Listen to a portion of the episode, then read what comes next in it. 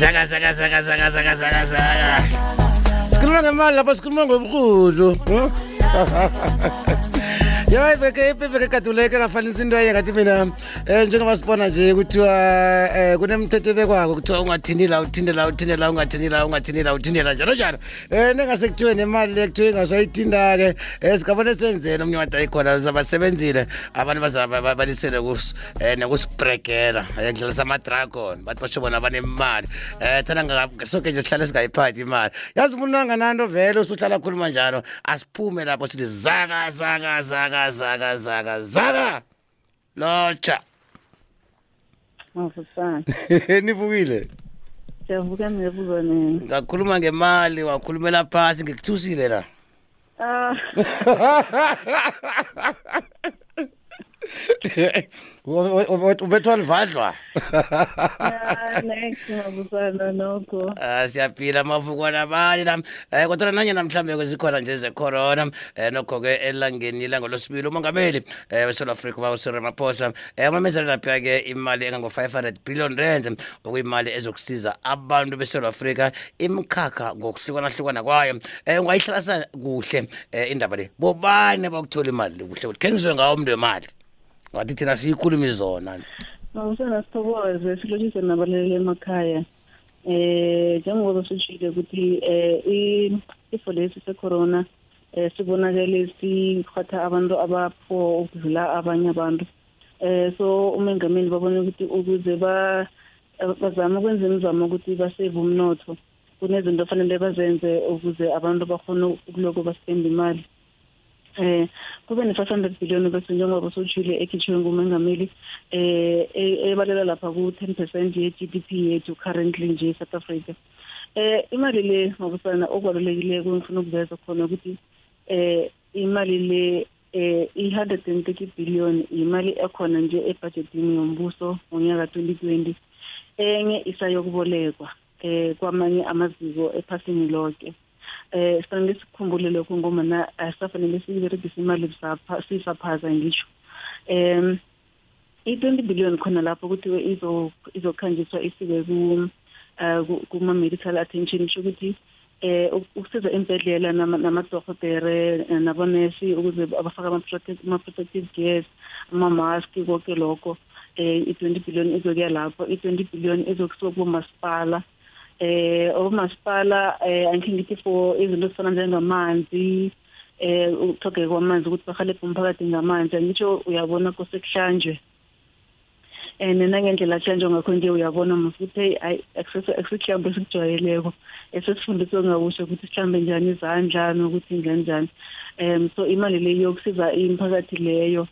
Um and then kube kube nembono evela kokuthi um ugovernment asize abantu ama-child support grant ngoba imindeni leyo ngiyo edosa nzima ngoba nakithi uyakhumbula vusi abantwana abaya esikolweni bayadla esikolweni. Eh nje nabasekhaya nje kuba ngenye indaba yayibona um so ku-introducewe ukuthi eh kube nema-grant angezelelwe for six months. And then kubekelwe i-fifty billion khona lapho ezokusiza ama-grant lawo. Eh um i-grant yabantwana um esigadesi ejame ku-four hundred and fifty ingezelelwe nge-three hundred nge-three hundred rand ngenyanga kaMay and then izongezelela nge-five hundred ukusuka ngojune ukufikela ngo-october. Eh ukuya ngonovember izokubuyela esigeni. Kubalulekile lokho ukuthi sikutsho ukuthi eh izokubuyela esigeni. Nakhona uyabona ukuthi la imali le ekakhutshulwa kwakhona i mean idabuliwe ne? Ake ngithi naka tuthola 450 uyokuthola 500 rand uyabona ukuthi eh khona bakunikele kabili ibuye keziwe. Eh kube ne 350 eh ezoba khona for abantu abangasebenziko ne sho ukuthi imali le iqalelise abantu laba abanga abakuliza umbereko ngombana bangaka baba nje i-covid ne. Sho ukuthi khona imbereko khona i-economy izokuriza imbereko eminingi njengomana abantu bangabireki so kunabantu abangakhavari ko-UIF uyabona? Eh akhe ngithi mhlawumbe njengaboma laba abasebenza ema-kitchen eh angithi ukuthi umuntu uyasebenza usebenza ongena ngamalanga and then akakabhaliswa ku-UIF ke ngithi umuntu othema ku-UIF ngumuntu obhalisileko ocontributako ku-UIF emhleni so kunabantu abangakabhaliswa ngibo laba abaqalelelwe nge-350 le ezoba khona le. Okwanje kwangichiyi kwangichiyi kwangichiyi ngoba zabe ngilahlekela ngifuna ukubuza la ungakaragela phambili. Eh uthi uhulumende ngesikhwameni sakhona kunemali engango-130 billion engikuzokudla uthi enye imali isayokubolekwa eh kubo World Bank njalo njalo kuba international Yeah. monetary fund.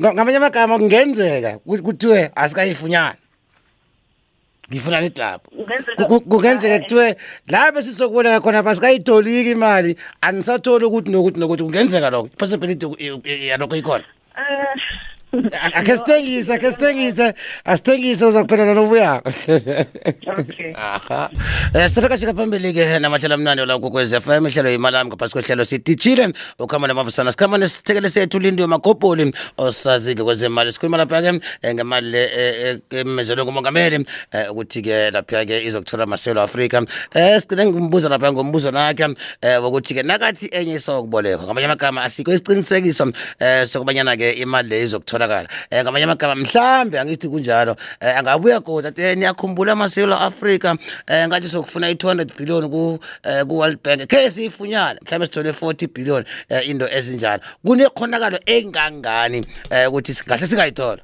Imali leyo um sinomakobhulu Mafusana, ya no akusilula kangako ma- ama- amafusana ngithi khona ukuthi iminyango le i-world bank Interna- international monetary fund nabo ma-brics bank bayivulela iminyango wabo ukuthi inarha ezifuna ukusizo zikhona ukufaka imbawo lapho. Ah, ya so o- i-five hundred billion i- i- i- isibalo esi- esibekiweko ukuthi kuzokufuneka imali engaka okulwisana nobulili lobu be-covid nokuthi umnotho ungafadalali u- ngokungeneleleko. Okay. Ya so sidluleke lapho. Mhm. abantu abasebenzako kodwana amakampani wabo-ke abhalelwa ukubabhadela ngebanga lokuquneliswa kwamakhambo bona basize kanjani? Nakho ngiyasebenza ngishayela iteksi um i-honora isakhona ungibhadala ngitshela ngecorona um ngiphuma njani? Ya so la eh ya umbuzo oqhakathekileko lo so ba eh abo somateksi okwanje ugovernment usaqalela ukuthi basizeke njani? Ake ngithi eh mabusana ngiyakhumbula ukuthi nangevekeli ngatsho njalo ngicabanga ukuthi eh uyabonana ugovernment nakaqala ukuthi usiza njani abantu kuf- ufuna ufuna aqale indlela ababereka ngazo emhleni ukuthi uzongena njani msinya abasize msinya ngoba uyabona ukuthi kulelo lobo kukhamba msinya nesikhathi sakhona sikhamba msinya so la kunama-system khona abantu bakhona basizakala msinya yangisiza ngitsho njani um so eh, i- i- ema- ama-taxi industry isa basa- basabaqalelela ukuthi babasize njani. Okukhona ukuthi u-taxi industry nakanekhampani ebhalisiweko acontribute ku-UIF uyakhona ukungena ku-UIF um kodwa nakangakabhalisi then kuzokosa lindele le esafuna eseqalelelwa ukuthi basizeke njani. Eh and then laba abantu kusho ukuthi ikampani ejamileko nje ijanyiswe ukuthi icorona eh ikampani leyo nangabe ikampani ibhalisile abasebenzi and then iya contribute UIF ifanele ichimbe kwa UIF eh iUIF igcugcuzelela ukuthi kuka ku apply amakhampani kunga kunga apply umuntu ngamunye ngamunye. Ah, ah, ah, ah. ya kuye ikampani iyo iyo iyo apply benzelelani benzelela ukuthi umqashi une une- unelwazi une onzinzweni lakhe la- elolwazi unelwazi lokuthi unabantu abangazi babhadela malini uyayibona? Sho ukuthi na ukhambela uwedwa kuse uma ama-document lawo uzenzele wena ngokwakho bese kuba nzinyanyana njengoba uyabona abantu ababereki njengemhleni. Eh ya. Mm, ye- ye- Mm. Ngiyakuzwa Ya- yazi u- u- u- u- uphethe indaba eziningi nami ngiphethe imibuzo eminingi angazi ukuthi ya ngi- ngi- ngi- ngifuna ungangijiyi khulu. Um ngoba ngi- ngi- ngi- ngi- ngi- ngikhamba nge- nge- ngendlela abantu babuza ngayo ngikhamba ngizwa abantu bakhuluma ngakhona. N- nasithi umuntu akasebenzi nangu umuntu akasebenzi. Vane kuhle kuhle sikhuluma ngomntu onjani ngoba kunomunye umuntu ukuhamba uforomela abantu ekhaya le ivekele ivekeza ivekela nelo akasaforomi omunye ukuhamba ufakela abantu iminyango yabona umuntu lo akasebenzi umuntu lo uyasebenza. Ngifuna ihlathululo ethi lapho esorakela phambili ya mabusana nakuthiwa sho ukuthi kunomuntu obereka ku-formal sector sho ukuthi u- u- ubhalisiwe uyabhalisa ukuthi uyasebenza or unekampani Mhm. bese kunomuntu ya bese kunomuntu o Ozisebenzayo. Yeah ozisebenzako. Utsho ukuthi na utsho ukuthi na ozisebenzako ngikhe uyakhumbulana i-stats SA nabenza i-survey bayabuza imibuzo leyo ukuthi mm, mm, mm. yeah so usho ukuthi kunezinto lazi lokuthi abantu labo umuntu lo obereka ku-informal sector usho ukuthi uyananda enza lokhu une-skills. Ah, ah, kuthiwa usene-skilled uyaforoma and then wenza ama-odd jobs. Mara ikinga ekhona ukuthi egovernment anayo nje kukuthi umuntu lo akwazeki ukuthi uhola malini Aha. zamalini yayibona ikinga Mm, yakhona mm, mm. kungakho igranti le ibekelwe ku-three hundred and fifty. Kanti nangabe uya ku-u i f u-u i f uyazi ukuthi uhola malini uzokunikela up to seventy five percent of umholo loyo nanyana i-three point five nangabe uhola ngaphasi kwayo. Uyabona so i- i- so ikinga yokuye-informal sector ngileyo nje isinjalo mm, ukuthi now into natsho ukuthi now now nawuzisebenza kungabhalisi unganamaphepha unganzi incwadi zakho zebhizinisi ungazeki ukuthi wenza malini qobe nyanga nofana uyabona? So kuba nzinyanyana ukuthi ungenelele lapho uhalebhe umuntu onjalo uyabona?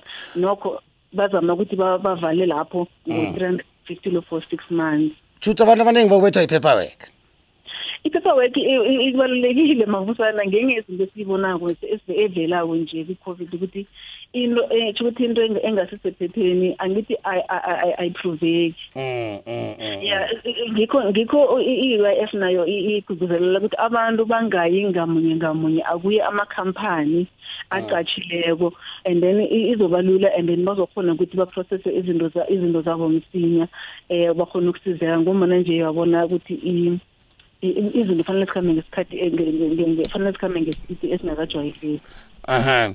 Eh u- u- umbuzo omkhulu ebantwini abangasebenziko abangakhange bathole imali yesondlo ngaphambilini.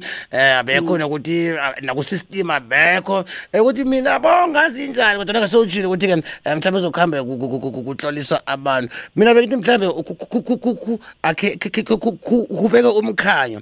Eh mhlawumbe izinto ezingafuneka lokho abuna nekufanele ukuthi athole imali leyo mhlawumbe umuntu ahlale aziphethe ahlale azilungiselela nangabe akanazo njalo njalo. Yilo kunye okungafuneka nesikhuluma khulukhulu nge-paperwork?